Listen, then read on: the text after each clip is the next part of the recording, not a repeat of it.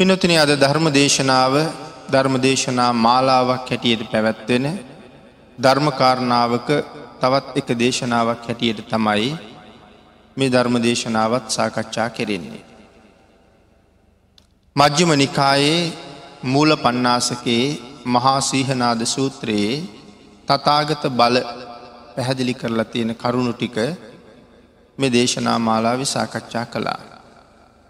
පහුගිය ධර්ම දේශනාවක අපි පස්වනි තතාගත බලය පිළිබඳව කරුණු ටිකක් සාකච්ඡා කළා ඉතුරු කරුණු ටික අද ධර්ම දේශනාවේදී අපි සාකච්ඡා කරමු.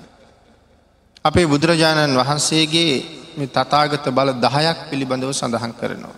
සම්මා සම්බුද්ධ කියන ගුණේ යටතේ තමයි මේ බල දහය තියෙන්නේ. පස්වනි තතාගත බලය තමයි සත්වයන්ගේ නානාදි මුක්තිකත්වය දක්නා නුවන එයින් කරුණු ටිකක් අපි සාකච්ඡා කළා. අද හත්වෙනි ධර්ම දේශනාව තමයි මේ පැවැත්වෙන්නේ. නානාදි මුක්ති මේ අධිමුක්ති කියල කියන්නේ අදහස යම් යම් සත්වයන්ගේ තියෙන අදහස තමයි මේ අධිමුක්ති කියල කියන්නේ. ඒ ඒ සත්වයාගේ අදහස් අපි දන්නේ නැතිවුණාට බුදුරජාණන් වහන්සේට ඒක මනාවම දකිින්ට දැනගණ්ඩ අවබෝධ කරන්න පුළුහංකම තිබුණා. එක මේ ලෝකෙ වෙන කාටවත් තිබිච්ච නැති පුදුමාකාර ශක්තියක්. මහරහතන් වහන්සේලාට අසූ මහා ශ්‍රාවකයන් වහන්සේලාට ඒවාගේ හැකියාවල් තිබුණ අග්‍රශ්‍රාවකයන් වහන්සේලාට. නමුත් බුදුරජාණන් වහන්සේට තරං තිබුණේ තිබුණේ නෑ. භාග්‍යතුන් වහන්සේගේ ශක්තිය අන්සියලු දෙනාටම වඩා වැඩි. එනිසා මේ කාරණාවිදි පැහැදිලි කරනවා මේ අනුසය වශයෙන් යටපත් වී පවත්නා තමන්ගේ අදහස් අනුසය කියල කියන්නේ අදහස කියල අපි සඳහන් කලා දිමුක්ති කියල කියන්නේ. එතකොට අනුසය කියල කියන්න යටපත් වෙලා තියෙන අදහස්. අපේ යටපත් වෙලා තියෙන අදහස්වත් අපි දන්නේ අපි දන්නේ නෑ. අපි නොදන්නා කරුණු බොහොමයක් අපි තුළ යටපත් වෙලා තියෙනවා. සමහර වෙලාවට ඒ කරුණු මතුවෙන්ඩ අවශ්‍ය යම් සාධකයක් ජීවිතය මුණ ගැහුණොත් කවදාවත්ම මතුවෙච්චි නැති ඇතම් කාරණා මතුවෙන්ට ඉඩ තියෙන ඉඩකට බොහොම බොහොම වැඩිය. අපි දන්නෙත් නැහැ අපේ අභ්‍යන්තරයේ මොනව කොහොම තැන්පත් වෙලාදි කියලා නමුත් ඒ පුද්ගලයා දැක්ක ගමන් බුදුරජාණන් වහන්සේ දන්නවා මේ පුද්ගලයා කොහොම කෙනෙක්ද කියලා. මේ ජීවිතය විතරක් නෙමෙයි පෙර අනාගත ජීවිත කොච්චර තියෙන්ට ඇද. කෝටි ගනම් ප්‍රකෝටි ගණන් නෙමෙයි ගණනින් ගණන් කරලා ඉවර කරන්න බැරිතරා. ඒ සියලුම කාරණාව මන් සංසාරය ආපු හැටි බුදුරජාණන් වහස දන්නවා. වෙන මේ ලෝකෙ කිසි කෙනෙකුට එක කියන්න කියන්න බැහැ. මම කවදා නිවන් දකිනවද කියන කාරණාවත් බුදුරජාණන් වහන්සේ දකිනවා. ඒකත් මේ ලෝකෙ කෙනෙකුට කියන්න බැරි දෙයක් භාග්‍යතුන් වහන්සේටම කියන්න පුළුවන් දෙයක්. අන්න ඒ නිසයි සඳහන් කරන්නේ මේ අනුසය වශයෙන් යටපත් වී පවත්නා තමන්ගේ අදහස් තතාගතයන් වහන්සේම දැනගන්නවා කියලා. එතනි සඳහන් කරනවා හැම දෙනාගේම අදහස් නිවැරදි ලෙස බුදුරජාණන් වහන්සේ දැනගන්නවා. තමන් වහන්සේ ළඟට පැමිණෙන ඕනෑම කෙනෙකුගේ අදහස් භාග්‍යතුන් වහන්සේ දැනගන්නවා ඇතින්ට ලක්ෂයක් ආවත් කෝටියක් ආවත් ඊට වැඩි ප්‍රමාණයක් ආවත් ඒ ඇවිල්ල ඉන්න සියලු දෙනාගේම අදහස භාග්‍යතුන් වහන්සේ දකිනවා. එක මහ පුදුමාකාර ශක්තියක් නිසයි ඒ සම්මා සම්බුද්ධ කියන කාරණාවට මේක සුවිශේෂී වුණේ. ඒ නිසා සඳහන් කරනවා මේ සත්වයන්ගේ නොයෙක් අදහස් සමහරු අනුන්ට දුක් දෙන අදහස් ඇති අයින්නවා. සමහරයගේ නිරන්තරයෙන් කල්පනාව තව කෙනෙකුට අයහපතක් කරන්නමයි. වචනයකින් හරි ඇනුම් පදයකින් හරි අනුන්ගේ හිත රිදවනයකම සමහරයගේ අදහස. නිරන්තරයෙන් කල්පනා කරන්න තවත් කෙනගේ හිත පාරන්නේ කොහොමද කියලමයි. තවත් කෙනෙගේ අදහස සතුන් මරණ අදහසයි. තවත් කෙනෙකුගේ අදහස හොරකං කරන්නමයි. තවත් කෙනෙකුගේ අදහස වැරදි කාම සේවනයට යන්නමයි. තව කෙනෙකුගේ අදහස බොරු කියන්නමයි. තව කෙනෙකුගේ අදහස තුරාපානයටමයි. තව කෙනෙකුගේ අදහස දසාකුසල් කරන්නමයි. මේ ඒ ඒ පුද්ගලයාගේ අදහස් වල හැටි. මේ මේ පුද්ගලයා කොහොම කොහොම අදහස් දරන්නෙක්ද බුදුරජාණන් වහන්සේක මනාව මනාව දන්නවා. අන්නේ නිසා සඳහන් කරනවා තවත් කෙනෙක් මෙන්න මේ අදහස්වලට කියන්නේ හීනාදිමුක්ති කියලා. පනීතාදිමුක්ති කියලත් කාරණාවක් තියෙනවා. හීනාදිමුක්ති සහ පනීතාදිමුක්ති. ඒ පනීතාදිමුක්ති කියන කාරණාවටම කල්්‍යානාදිමුක්ති කියලත් කියනවා. ඒ තව කෙනෙකුට යහපතක් කරන්න තියෙන අදහස. දුරුවල කෙනෙකුට උදව් කරන්න තියෙන අදහස. දුකට පත් වෙලා ඉන්න කෙනෙගේ හිත හදන්ඩ තියෙන අවස්ථාව. දම්පැම් පූජා කරන්න තියෙන ආසාාව. ධර්ම දේශනා කරවන්ඩ තියෙන ආසාාව. ධර්ම ශ්‍රවණය කරන්න තියෙන අවස්ථාව. සිල් රකින්ඩ තියෙන ආසාාව. සිල් රැකීමේ අවස්ථාව උදා කර ගැනීම. සසරින් විදීමටම බලාපොරොත්තු ගොඩනගා ගැනීම. මේ අහදී වශයෙන් මේ වැඩි මහල්ලන්ට ගරු සත්කාර කිරීම දෙමවපියන්ට ගරු සත්කාර කිරීම මෙන්න මේ මේ ආදී කාරණා සඳහන් කරනවා පනීතාදිමුක්ති හෙවත් කල්්‍යානාදිමුක්ති කියලා. නමුත් අපි තුළ තියෙන්නේ කොයිවාගේ අදහසක්ද කියන කාරණාව අපිට හිතා ගණ්ඩවත් බැහැ. නොත් භාගිතුන් වහසේක දන්නවා. එතකොට සංසාරය මේ යන ගමංරටාවේ යම් යම් අය එකට එකතු වෙනවන කවදාවත් මේ ප්‍රතිවිරුද්ධ අදහස් තියෙන කට්ටිය ඒකට එකතු වෙන්නෙම නෑ. සමාන අදහස් තියෙන ඇත්තෝම තමයි එකතු වෙන්නේ. ප්‍රතිවිරුද්ධ අදහස් ඇත්තෝ එකතුනොත් ඒක වැඩි කල්ලේ එකතුව පවතින්නේ නෑ. එක බොහොම ඉක්මනට බිඳිලෑනවා. අන්ගේ කාරණාව මෙන්න මේ විදිහට සඳහන් කරලා තියෙනවා ධාතු සංයුක්තයේ. සෙය්‍යතාපි භික්කවේ ගූතෝ ගූතේන සංසන්ධති සමේති මුත්තං මුත්තේන සංසන්ධති සමේති. කේලෝ කේලේන සංසන්ධති සමේති. පුබ්බෝ පුබ්බේන සංසන්ධති සමේති. ලෝහිතං ලෝහිතේන සංසන්ධති සමේති. ඒව මේකකෝ භික්කවේ ධාතුසෝ සත්තා සංසන්ධති. අදී වශයෙන් මේ කාරණාව පැහැදිලි කරනවා මහනෙන යම්සේ අසූචි හා අසූචි සංසන්ධනය වෙති. අසූචි දෙකක් එකට එකතු කළොත් මේ කොහෙන් ගෙනාපුවාද කියලා අපහු අපිට හොයන්ඩ හොයන්ඩ බෑ ඒ දෙක මනාව මනාව මිශ්‍ර වෙනවා. ඒ නිසා සඳහන් කරනවා දෙදෙනෙකුගේ මුත්‍රා එකට අරගෙන කලවං කළුත්. ආය මේ අහවලාගේ මේ අහවලාගේ කියලා ඒ මුත්‍රා වෙන් කරන්න පුළුවන්කමක් නැති නිසා සඳහන් කළා මුත්තං මුත්තේන සංසන්ධති සමීති. එදික සංසන්ධනය වෙනවා සම වෙනවා කියලා. ඉළඟට සඳහන් කරනවා දෙදෙනෙකුගේ කෙල අරගෙන එකට එකතු කළොත් ආය ඒක මේ අහවලාගේ මේ අහවලාගේ කියල වෙන් කරන්න වෙන් කරන්න බෑ දෙක හොඳට සංසන්ධනය වෙනවා. සැරව වර්ග දෙකක් එකට අරං එකතු කළොත් ඒකත් හොඳට මිශ්‍ර වෙනවා. ලේවර්ග දෙකක් අරගෙන මිශ්‍ර කළොත් ඒකත් හොඳට හොඳට ගැලපෙනවා. ලේ ඉවතුරයි එකතු කරන්න ගියොත් එතන වෙන සක්තියනවා.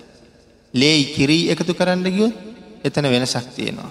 නමුත් ලේයි ලේයි එකතු කෙරුවොත් ඒ දෙක අය හොයන්ට බැරිවෙන්ඩම හොයන්ට බැරිවෙන්ඩම මිශ්‍ර වෙනවා. කලින් සඳහන් කළපු කරුණුත් ඒ වගේ ප්‍රතිවරුද්ධ දෙයක් එකතු කළොත් දෙක කොහොමත් වෙනස් බව හොයාගණ්ඩ පුළුහං වෙනවා. ඒ නිසා සඳහන් කරනවා මහනෙන එමෙන්ම ධාතුූන්ගේ හැටියටම සත්වයෝ සංසන්ධනය වෙති. මෙන්න මේවාගේ තමයි මේ නානා ධාතුූන්ගේ හැටියටම ඒ ඒ සත්වයාද සංසන්ධනය වෙනවා සම සමධාතු තියෙන අය සම සම විදිහට සංසන්ධනය වෙනවා. හීනාදි මුක්තිකයන් හා හීනාදි මුක්තිකයෝම සංසන්ධනය වෙති. කවදාවත් හීනාදි මුක්තිකයකුයි පනීතාදි මුක්තිකයකුයි සංසන්ධනය වෙන්න නෑ. කට හමුණනාට කතා බහ කලාට යම් ප්‍රමාණයකට ඇසුරු කලාට එක හා එක හා සම්බන්ධය වෙන්නේ නෑ. නිතර නිතර ඇසුරට හා කතාවට භජනය වෙන්නේ භජනය වෙන්නෙත් නෑ. ඒ නිසා බුදුරජාණන් වහන්සේ සඳහන් කලා මහණෙනී අතීත කාලයෙහිද දහතුන් අනුවම සත්වයෝ සංසන්ධනය වූහ. අතීතෙත් මේ ධාතුන් අනුවම තමයි සත්වය එකතුනේ. එතකොට වර්තමානය වෙනස් වේද. වර්තමානයත් ඒ වගේම තමයි. අනාගතේ අනාගතෙත් ඒක එහෙමම එහෙමම තමයි. බුදුවරු ලෝකෙ පහළ වනත් බුදුවරු ලෝකෙ පහළ නූනත් තුන් කාලයේ එය එය එසේම තමයි. ඒ කාරණාව බුදුරජාණන් වහන්ස මනාව මනාව පැහැදිලි කළා. ඊළඟට මේ ධාතු සංයුක්තකයේ කල්්‍යානාදිමුක්ති එමනත්තං පනීතාදිමුක්ති සංසන්ධනය වෙන හැටිත් පැහැදිලි කරනවා සෙය්‍යත අපි භික්කවේ කීරං කීරේන සංසන්ධති සමේතිී. තේලන් තේලේන සංසන්ධති සමේතිී. සප්පි සප්පිනා සංසන්ධති සමේතිී. මදු මදුනා සංසන්ධති සමේතිී. පානිතං පානිතේන සංසන්ධති සමේතිී. ඒව මේව කෝ භික්කවේ ධාතු සෝච සත්තා සංසන්ධති සමෙන්තිී. ඒ කාරණාව පැහැදිලි කරනවා කිරි කිරි හා සංසන්ධනය වෙනවා. තෙල් තෙල් හා සංසන්ධනය වෙනවා. සප්පි කියල සඳහන් කළේ ගිතෙල් ගිතෙල් හා සංසන්ධනය වෙනවා. මදු කියල සඳහන් කළේ මී මී හා සංසන්ධනය වෙනවා. පැණි පැණි හා සංසන්ධනය වෙනවා. පැණිවලට වෙනමකොත් එකතු කරොත් එක වෙන සක්තියනවා. කිරිවලට තවමකොත් එකතු නහම කොහොමත් ඒ වෙනස හොයන්ඩ පුළුවන්. කිරී වතුරයි ගැලපෙනවා වගේ පෙනුනත් මොහොතකින් අපිටේ වෙනස හොඳටම පේන්ට පටන්ගන්න නමුත් ඒකට කිරීම එකතු කළොත් කවදාවත් ඒක අපිට වෙන් කරන්න වෙන් කරන්න බැරුව යනවා. අන්න ඒ වගේ මෙතන ඒ කාරණාවයි සඳහන් කරන්නේ. මෙන්න මේ නානා ධාතුූන්ගේ සංසන්ධනය ගැලපෙන විදිහටමයි ලෝකෙ හැම්ම තැනම සම්පූර්ණ වෙන්නේ. කල්්‍යයානාදි මුක්තිකයෝ කල්්‍යයානාදි මුක්තිකයන් හා සංසන්ධනය වන්නාහ සමවන්නාහ අතීතයහිද වර්තමානයහිද අනාගතහිද ඒසේමයි. ඒ නිසා පින්නතින මෙන්න මේ කාරණාව මේ ධාතුූන් අනුව සත්වයන් සංසන්ධනය බීම ගැන තතාගතයන් වහන්සේ විසින් දක්වා ඇති තව එක සාධකයක් සඳහන් වෙනවා පිටකේ. සාධකය තමයි අපේ බුදුරජාණන් වහන්සේ රජගහනුවර ගිජ්ජකූට පර්වතය වැඩවාසය කරන කාලි. භාග්‍යතුන් වහන්සේත් එක්ක විශාල භික්‍ෂූන් වහන්සේලා ප්‍රමාණයක් ගිජුකුළු පව්වාශ්‍රය කරගෙන ඒ දවස්වල වැඩ හිටිය. විවේක වෙලාවක බුදුරජාණන් වහන්සේ සහ භික්‍ෂූන් වහන්සේලා විවේකීව ඉන්න වෙලාවක ඇතැම් ඇතැම් භික්‍ෂූන් වහන්සේලා සක්මං කරන්න පටන් ගත්තා. ඒ කාරණාව පිටකේ මෙන මෙහෙම සඳහන් කරලා තියෙනවා. සැරියුත් මාහිමියන් වහන්සේ සමඟ භික්‍ෂූන් වහන්සේලා විශාල පිරිසක් සක්මං කරන්න පටන්ගත් අනුදුරු තැනක. මුගලන් මහරහතන් වහන්සේ එක තව පිරිසක් සක්මං කරන්න පටන් ගත්තා. මහාකාශප මහරහතන් වහන්සේ එක තව පිරිසක්ද අනුරුද්ධ මහරහතන් වහන්සේ එක තව පිරිසක්ද. පුන්න තෙරණුවෝ සමඟ තව පිරිසක්ද උපාලි තෙරණුවෝ සමඟ තවත් පිරිසක්ද ආනන්ද තෙරණුවෝ සහ දේවදත්ත තෙරුන් වහන්සේ සමඟ තවත් පිරිස් දෙකක්ද විවේක විවේක තැන්වල සක්මං කරන්න පටන් ගත්තා. බුදුරජාණන් වහන්සේ මේ කාරණාව දිහා බලාගෙන හිටිය. අපි දැම් මේ නම සඳහන් කරපු ප්‍රධාන ස්වාමීන් වහන්සේලා චැරියුත් මහරහතන් වහන්සේ ඉස්සරලාම තනියම නැගිට්ට. නැගිටලා උන්වහන්සේ තනියම සක්මං කරන්න පටන් ගත්තා. උන්වහන්සේ සක්මං කරන දිහා බලාගෙන හිටපු තවත් ස්වාමීන් වහන්සේ නමක් නැගිටලා ගිහිල්ලා උන්වහන්සේ සමග සක්මං කරන්න ගත්තා. උන්වහන්සේලා දෙනම සක්මං කරනවා දැකපු තවත් ස්වාමීන් වහන්සේ නම නැගිටලා ගිහිල්ලා උන්වහන්සේලා දෙනමක් සමඟ සක්මං කළා. මෙහෙම විශාල භික්‍ෂූන් වහන්සේලා ප්‍රමාණයක් සැරියුත් මහරහතන් වහන්සේත එක්ව සක්මන ආරම්භ කළා. මුගලන් මහරහතන් වහන්සේ විවේක ගත්ත තැනින් නැගිටලා වෙනත් තැනකට ගිහිල්ල සක්මං කරන්න ගත්තා. එතකොට තවත් ස්වාමීන් වහන්සේ නමක් නැගිටලා සැරියුත් මහරහතන් වහස ගාවට ගිය නෑ උන්වහස ගිය මුගලන් මහරහතන් වහසගාවට. ඒවාගේ සෑහෙන පිරිසක් මුගලන් මහරහතන් වහස ගාවත් එකතුනා. මහාකාශප මහරහතන් වහන්සේ මේ දෙදෙනා වහන්සේ ළඟටම නොයා උන්වහන්සේ වෙනම පැත්තක සක්මන් කරන්න ගත්තා.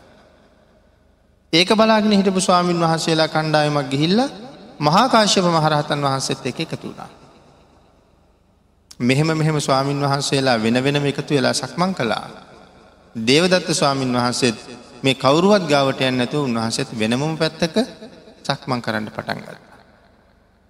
තවත් ස්වාමීන් වහන්සේලා පිරිසක් උන්වහන්සේ අනුගිහිල්ල උන්වහන්සේ ගාව සක්මං කරන්න පටන්ගත්ත. බුදුරජාණන් වහන්සේ මේක දිහා බලාගෙන. අපිට හැඟෙනවද මේක වෙනසා. මේ ස්වාමීන් වහන්සේලා ඔක්කොම සම්මා සම්බුද්ධ ශ්‍රාවකයෝ. උන්වහන්සේලා කවුරු ගාව සක්මං කර හම මොකද.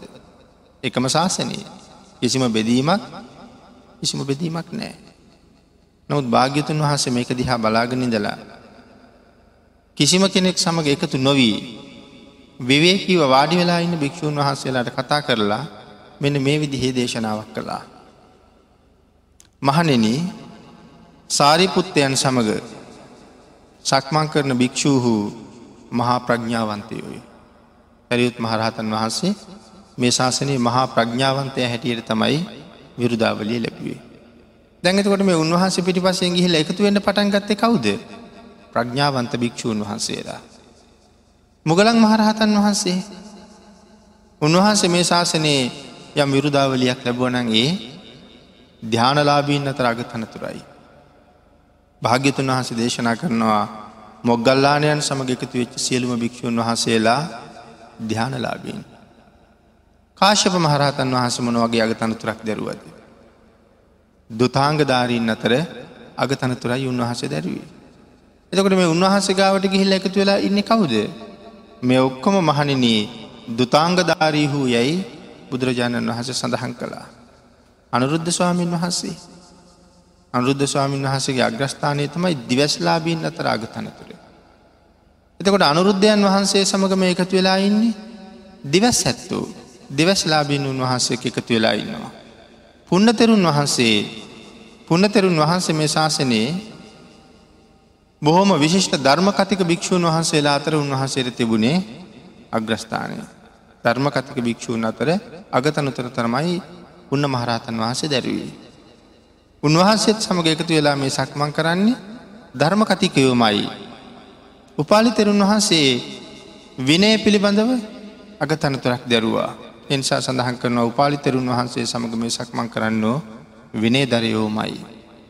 ආනන්ද තෙරුන් වහන්සේ සමඟ සක්මන් කරන සියලු දෙනාම බහුශ්ෘතයෝමයි. බොහෝ ඇසූ කිරු තැන් අයි බොහෝ ධර්මඥානයක් පුරුවගත්ත අය තමයි ආනන්ද ස්වාමීන් වහන්සේ සමඟ එකතු වෙලායි. එතකොට දේවදත්ත ස්වාමීන් වහන්සේ සමඟ එකතුනේ කවුද. භාගිතුන් වහන්සේ ඒ කාරණාවම සඳහන් කරනවා මහනිනී දේවදත්තයන් සමඟ එකතු වෙලා යම් පිරිසක් සක්මන් කරන්නේද ඒ සියලු දෙනාම පාපිච්චියෝ මයි කියල. එතකොට ඒ ස්වාමීන් වහන්සේල කවදාවත් අර ස්වාමීන් වහසේලා එකතුනේ එකතුන්නේ නෑ. එනම් මේ කාරණාව මේ නානාදි මුක්ති ගැලපෙන ගැලපෙන කාරණාවත් එක්ක ඒ ඒ පුද්ගලයා සංසන්ධනය වෙනවක ඉන්න කාරණාවට අපිට හොඳ උදාහරණය. හැම තැනම බැලුවොත් ලෝකේ ගිහි පැවිදි හැම තැනම මේකමයි තියෙන්නේ. දෙවියන් අතරත් එහෙමයි. මිනිසුන් අතරත් එහෙමයි. සත්තු සිව්පාව අතරත් එහෙමයි. මිනිසුන්ට විතරක් සීමා විච්ච කාරණාව කාරණාවක් නෙමෙයි. ඒ නිසා විබංග අටුවාවේ මේක පැහැදිලි කරන්න තවත් එක කතාවක් සඳහන් කරනවා. මෙ ත්‍රිපිටක චූලාභය කියන මහතෙරුන් වහන්සේ විශාල භික්‍ෂූන් වහන්සේලා පිරිසක් සමඟ වනාන්තරයේ මැද්දෙන් චෛත්‍ය වන්දනාවට වඩිනවා. මිනිස්සු පිරිසක් උන්වහන්සේලා වඩිනව දැක්කා. ඒ මිනිස් උන්වහන්සේලාට ආරාධනා කලා ගමට වඩින්ඩ කියලා. ගිලම් පසක් වලඳලා එමතන් දානි ටිකක් වලඳලා වන්දනාව වඩින්ට ගමට වඩින්ඩ ස්වාමීණි. චූලාබේ තෙරුන් වහන්සේ තමන් වහන්සේගේ ශිෂ්‍ය පිරිසත් එක ගමට වැඩිය. හැබැයි තෙරුන් වහන්සේ දන්නවා මගේ ශිෂ්‍ය පිරිස ඉන්නවා නොසරු අදහස් තියෙන නොසරු හැසිරීම් තියෙන අන් අයගේ අනට කීකරු නැති භික්ෂුවක් මේ භික්‍ෂු පිරිසේ ඉන්න බව උන්වහස දන්නවා. ද මේ ස්වාමීන් වහන්සේලාට ගමට ආරාධනා කරලා මිනිස්සු ගමේ විහාරස්ථානය වැඩඉන්න ස්වාමීන් වහන්සේලාටත් මෙතෙන්ට ආරාධනා කළා. උන්වහන්සේලත් වැඩිය. දෙගොල්ලම එකට ගමේදී සංසන්ධනය වුණා එකතු වුණා. ගමේ විහාරස්ථානත් හිටිය අර වගේම නොසරුප හැසිරීම් තියෙන භික්‍ෂූන් වහන්සේ නමක්. ඒක ගමේ විහාරස්ථානයෙන් වැඩි ස්වාමීන් වහන්සේලත් දන්න. වැඩි වෙලාවක් ගත වුණේ නෑ. අර කණ්ඩායන් දෙකේම හිටපු නොසර භික්‍ෂූන් වහන්සේලා දෙන්න කවදාවත් දැකළමුණ ගහිල නෑ. නමුත් උන්වහන්සේලා දෙන්න එකතු වෙලා මේ වසර ගණනාවක් එකට ඇසුරු කරන දෙන්නෙක් වගේ බොහෝම හොඳට සතුරු සාමීකයේ කතාවට වැටුණා. ඒ කාරණාවනුත් පැහැදිරි කරනවා මේ ගැලපෙන ගැලපෙන ධාතු හම්බෙච්ච හම්බෙච්ච තැන මුණගැහෙන හැටි. මේ කාරණාව දකින්න පුළුවන් පුදුම හැකියාවක් භාග්‍යතුන් වහන්සේ සතුවමයි තිබුණේ. අපිට එහෙම දැක ගන්න පුළුවන්කමක් අපි ජීවිතය නැහැ. එහෙම දන්නවනං ලෝක මේ තරම් අවුල් වියවුල් වෙනහෙකුත් වෙනහෙකුත් නෑ. ගැලපෙන්නෝ ගැලපෙන්නෝම තමයි එකතු වෙන්නේ නොගැලපෙන්නෝ එකතු වෙන්න උත්සාහ කළොත් එක ඉතාම කෙටිකාලයකින් බිඳිල විනාශ වෙලා විනාශ වෙලා යන ස්වභාවයෙන්ම යුක්තයි. අපි අනික් ගිහි සමාජයේ දිහා බැලුවත් කොයි පැත්ත බැලුවත් මේ අපිට හොඳට පේනවා. අපි උදාහරණයක් හැටියට මෙහෙම කල්පනක් කළුත් අපි විනෝද ගමනක් යනවා හෙමනත්තම් වන්දනා ගමනක් යනවා. අපි ඇතැම් ඇතැම් කාලවල එහෙම යනවනේ. සමහර වෙලාවට ඔය වැඩිහිටි නිවාසවල වැඩිහිටි සංවිධානවල එහෙම සංවිධානවලින් මේ වන්දනා ගමන් චාරිකා යනකොට සමහරලාට ලංකාවම එක දවසක තමයි යන්නේ. එතකොට සමහරලාට එක නවාතැම්පොලකට එක විශ්‍රාම ශාලාවකට නන් දෙසින් එන කට්ටිය එකතු වෙනවා.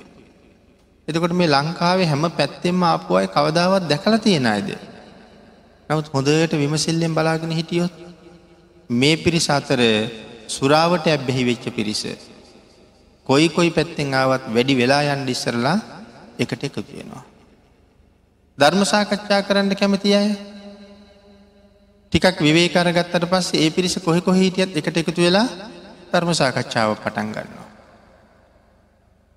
සූදුවට ඇබ්බෙහි වෙච්චාය කොතන හරි අස්සකට ගිහිල්ල ඒමාවගේ දේකට ඇබ්බෙහි වෙනවා. ඒගැන හඳුනා ගැනීම අමුතුවෙන් අවශ්‍ය අවශ්‍ය නෑයගොල්ලො දැක්ක ගමන් ඉතාම පහසුවෙන් එකතු වෙන්න පටන් ගන්නවා. ඒ කාරණත් අපි ජීවිතවල ඕන තරම් ඕන තරම් අත්දැකීම් තියෙනවා. තේනම් මේ නානා දහතු එකට සම්බන්ධවීම පිළිබඳව තොරතුර භාග්‍යතුන් වහන්සේට තරම් වෙන මේ ලෝකෙ කිසිම කෙනෙකුට තේරුම් ගන්න පුළුවන්කමක් නැති නිසා. පස්වෙනි තතාගත බලයේ ඒ කාරණාව පැහැදිලි කරනවා මේ නානා දහතුන්ගේ එකතුවීම නානාදි මුක්තිකත්වය දක්නා නුවනක් භාග්‍යතුන් වහන්සේට තිබුණ. ඒ අනික් ස්වාමීන් වහසේලාටත් රහතන් වහසේලාට තිබුණා. එවුනට භාග්‍යතුන් වහන්සේගේ තරම් යථා භූතය හරියටම සම්පූර්ණව කාටවත් දැනගණ්ඩ දැනගණ්ඩ බෑ. අපි පස්වනි තතාගත බලය පිළිබඳව කරුණු සාකච්ඡා කිරීම එතකින් සීමා කරලා අයවැනි තතාගත බලය මොකක්ද කියන කාරණාව තව ටිකක් සාකච්ඡා කරමු. මෙතන සඳහන් කරනවා සත්වයන්ගේ ශ්‍රද්ධාදී ඉන්ද්‍රියන් දියුණු උනු නූුණු බව දක්නා නුවන. සත්වයා සතු ශ්‍රද්ධහා ඉන්ද්‍රිය දියුණු වෙලා ඇති බවත් දියුණු වෙලා නැති බවත් දැකගණ්ඩ භාගිතුන් වහන්සේට තිබුණ හැකියාව. ඒ හැකියාව තමයි මේ හයවෙනි කරුණ. පුනචපරං සාරිපුත්ත තතාගතු පරසත්තානං පරපුග්ගලානං ඉන්ද්‍රිය පරෝපරියත්තං යථභූතං පජානාති. මෙයින් දැක්වෙන්නේ අන්‍ය සත්වයන්ගේ අන්‍ය පුද්ගලයන්ගේ ශ්‍රද්ධාදී ඉන්ද්‍රියන් මෝරා ඇති බව හා නැති බව දැනගන්නා ඉන්ද්‍රිය පරෝ පරියත්ත ඥානය තවත් එක තතාගත බලයක් බවයි. එක සඳහන් කරනවා ඉන්ද්‍රියන් මෝරා ඇති බව හෝ නැති බව හෝ ඒ ඒ සත්වයෝ නොදැනිති. තතාගතයන් වහන්සේ තමන් වහන්සේ වෙත පැමිණෙන සත්වයන්ගේ ඉන්ද්‍රියන් ඒ ඒ තත්ත්වය සලකා බලාම ඔවුන්ට දහම් දේශනා කරති. ආං ඒක තමයි බුදුරජාණන් වහන්සේගේ ධර්ම දේශනාවත් අපේ ධර්ම දේශනාවත් තියෙන වෙනස. අන් අයගේ දේශනාවත් භාගිතුන් වහන්සේගේ දේශනාවත් තියෙන වෙනස එකයි. බුදුරජාණන් වහන්සේ මහාකල්ප අසංක්‍ය විස්සයි ලක්ෂය එක. සම්මා සම්බුද්ධත්වය වෙනුවෙන් මේ සංසාරය අප්‍රමාණ කැපකිරීම් කිරීම මොනෝ කරන්නද. මහාකල්ප අසංක්‍ය විස්සයි ලක්ෂ එකක් පාරමිතා පිරිවෙත් බණ කියන්න. සියල්ල අවබෝධ කරලා බණ කියන්න. මහාකල්ප ලක්ෂ ගනම් පෙරුම් පුරල බණකිපු අයත් හිටියා. මහරහතන් වහන්සේ ලසු මහශ්‍රාවකයෝ මහාකල්ප ලක්ෂ ගනම් පාරමිතා පුරලා ඒ පාරමිතා පිරුවෙත් සසරින් එතර යමින් තවත් විශාල පිරිසක් සසරින් එතර කරන්න සද්ධර්මය දේශනා කරන්න මයි. මම දේශනා කරන්නෙත් තවත් ස්වාමීන් වහන්සේ නමක් දේශනා කරන්නෙත් ධර්මයමයි. එතකොට වෙනස භාගිතුන් වහන්සේ මහාකල් පාසංක විස්සයි ලක්ෂ එකක් පෙරුම් පුරල බණ කියනවා. අසු මහශ්‍රාවකයන් වහන්සේලා මහාකල්ප ලක්ෂයක් පෙරුම් පුරල බණ කියනවා. අග්‍රශ්‍රාවකයන් වහන්සේලා දෙනම මහාකල්ප අසංකයකුත් ලක්ෂයක් පෙරුම් පුරල ලෝකෙට ධර්මයමයි දේශනා කළේ. පිළිවලින් අනික් ස්වාමීන් වහන්සේලත් ධර්මයමයි දේශනා කළේ. එතුට මොකද තියෙන වෙනස. භාග්‍යතුන් වහන්සේගේ එක දේශනාවක් ඉවර වෙනකොට ලක්ස ගනම් මාර්ගඵල ලැබවා. ධර්ම අවබෝධය ලැබුව.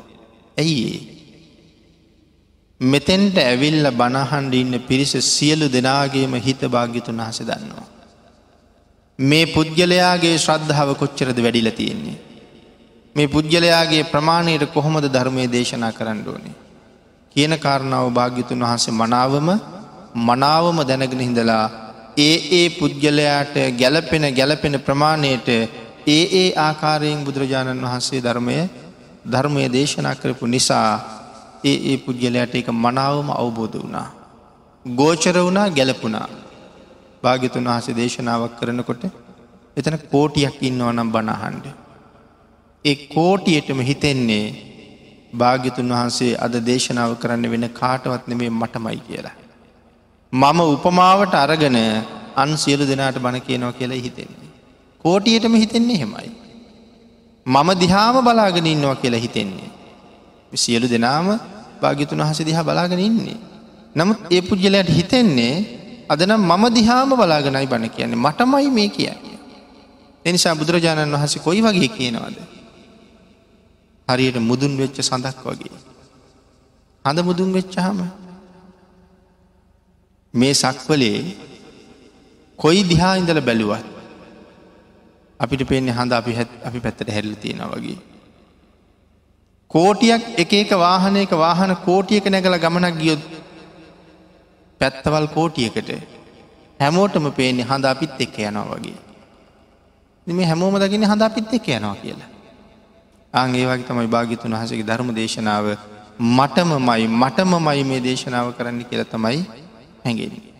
ඒ ඒ පුද්ගලයාගේ ශ්‍රද්ධාව වැඩිල දියුණු වෙලා තියෙන ප්‍රමාණය දැනගෙන ඔහුට ඔහුට ගැලපෙන්ඩයි ධර්මය දේශනා කරයි.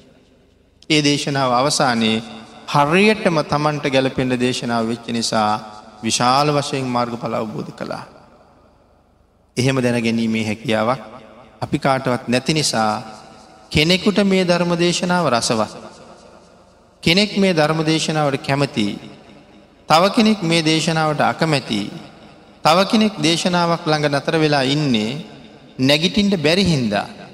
තව කෙනෙක් ඉන්නේ මෙතන ඉන්න ඕනැම හින්දා. තව කෙනෙක් ඉන්න යුතුකම ගරු කරන්න ඕන නිසා භාගිතුන් වහන්සේ ගාව ධර්මශ්‍රෝණය කළ එහෙම නෙමෙයි. ඇයි එහෙම තව කෙනෙක් අපහසුවෙන් ඉන්නේ ඇයි තව කෙනෙක් අකමැත්තෙන් ඉන්නේ ඇයි තව කෙනෙක් කැමැත්තෙක් ඉන්නේ.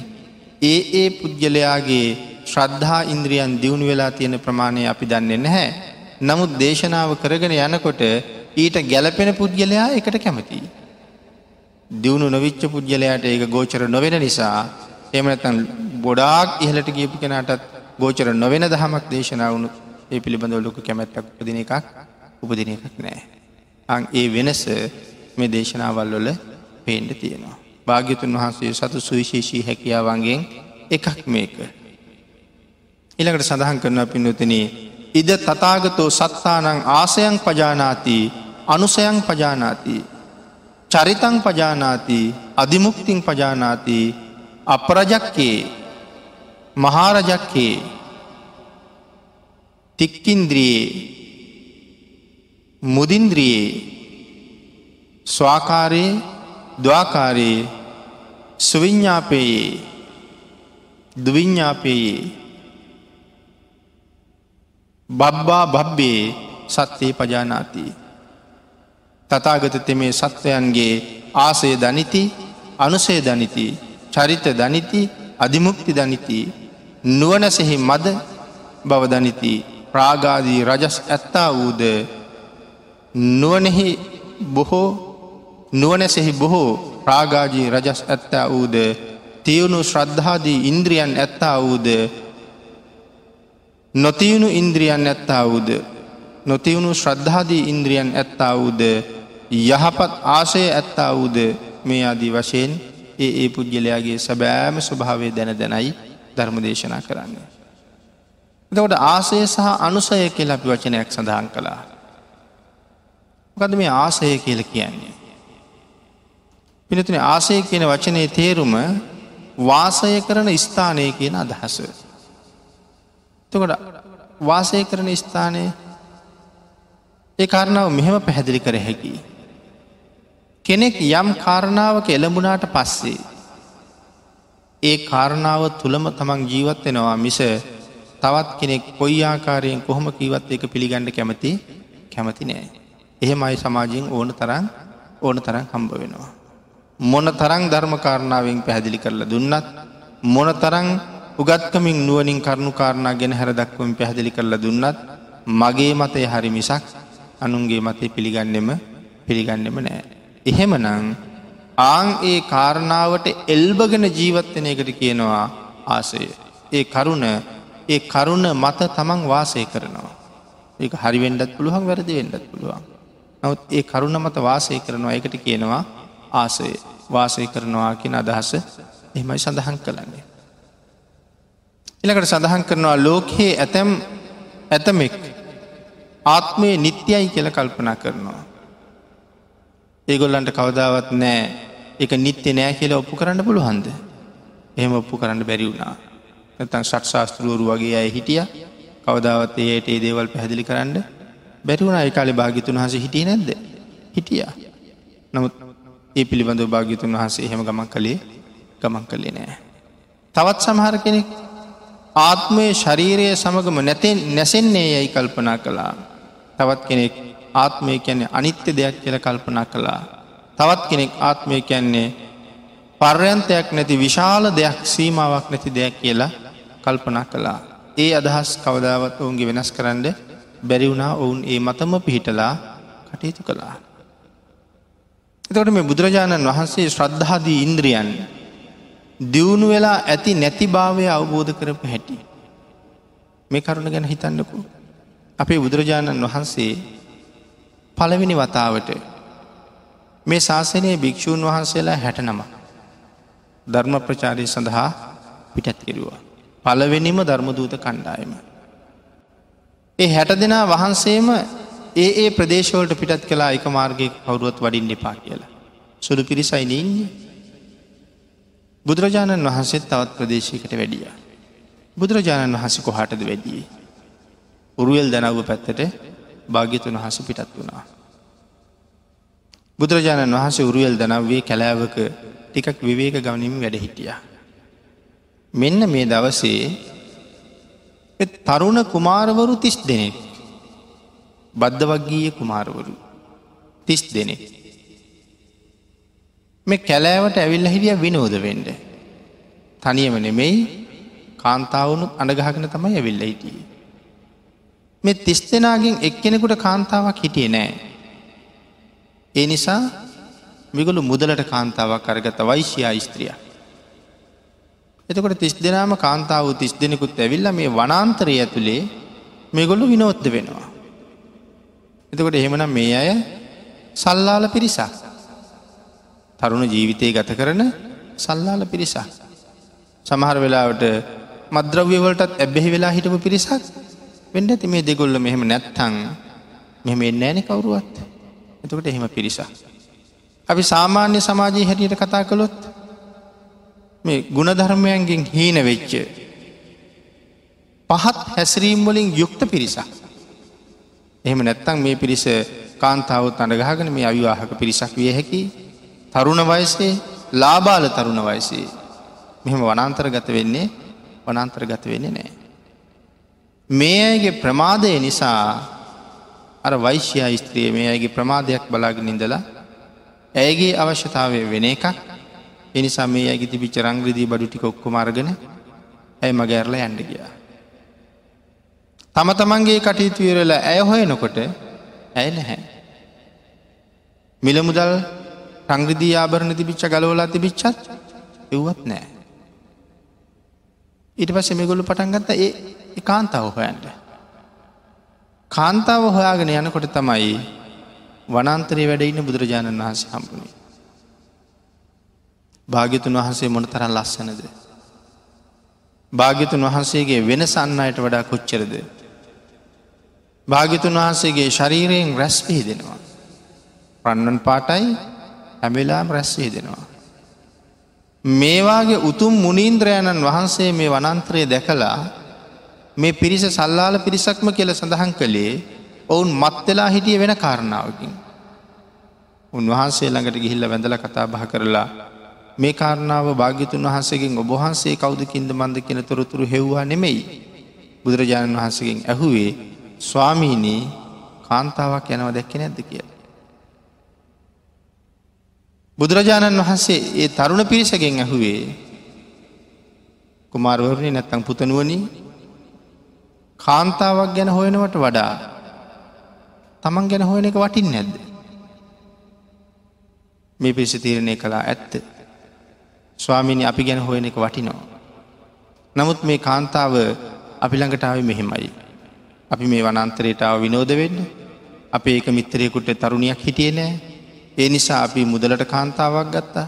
අපේ ප්‍රමාද දෝෂය දැකලා ඒ කාන්තාව මේ සල්ලි මිල මුදල් රංග්‍රදී සියලුම දේවල් ඔතාගෙන පැනල ගිහිල්ලා.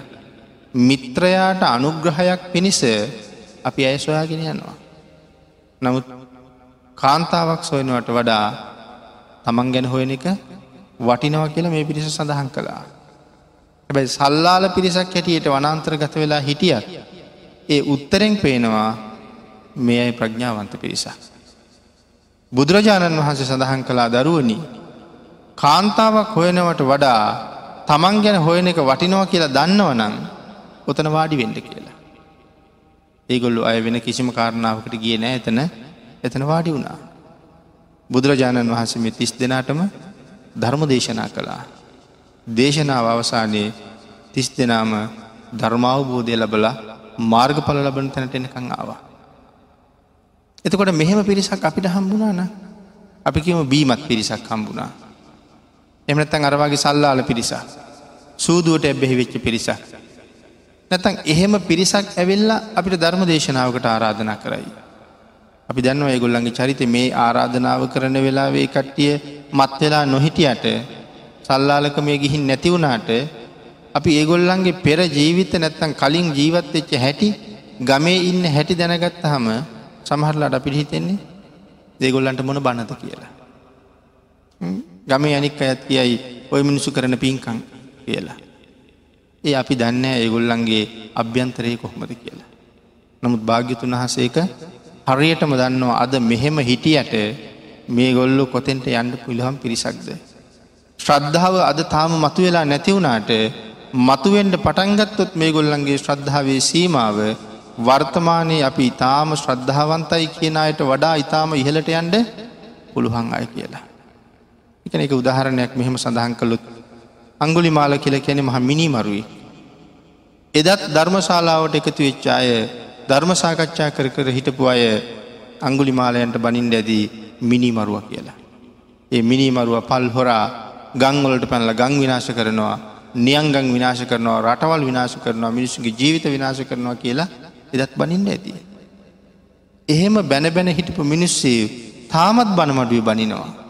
නමුත් අර මහා මිනිමරුව අර හොරා රහතන් වහන්සේ නමක් හැටියට අර බනමඩුවට එනකොටත් අර බැනපු මිනිස්සේ බනමඩුව තාමත් බයිනවා.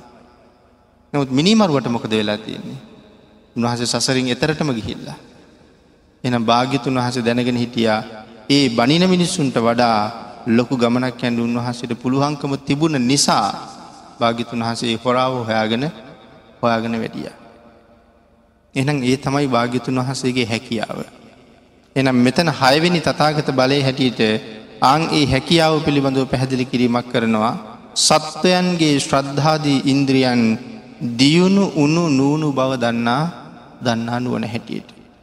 එනම් අද ධර්ම දේශනාවට තියෙන කාලේ නිමා වෙලා තියෙන නිසා අපි ධර්ම දේශනාව නිමා කරමු සම්මා සම්බුද්ධ කියන මේ මහා වීරයන් වහන්සේගේ නවාරහාදී බුද්ධ ගුණයේ සම්මා සම්බුද්ධ කියන කාරණාව පැහැදිලි කරන තැන තමයි මෙන්න මේ තතාගත බල දහයම අන්තර්ගත වෙලා තියෙන්නේ.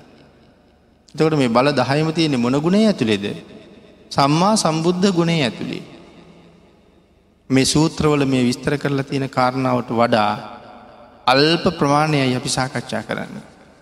නමුත් මුළු පිටකේම විස්තර කරලා තියෙන ප්‍රමාණය භාග්‍යවතුන් වහන්සේගේ මේ බලදහයි එක බලයක අපි මේ සාකච්ඡා කරන මහසාගරයෙන් ගන්න දියබිඳිත්තක් ලක්සකට බෙදලා එයින් එක පංගුවක්වත් අපිට සාකච්ඡා කරන්න සාකච්ඡා කරන්න බැහැ. මේ කරුණ සම්මා සම්බුද්ධ නම් කියන මේ මහාවීරයන් වහන්සේ අවබෝධ කර ගැනීම සඳහාම තවත් එක අවස්ථාවක් බවට පත්වේවා කෙලබ සියලු දෙනාම ප්‍රාර්ථනා කරම.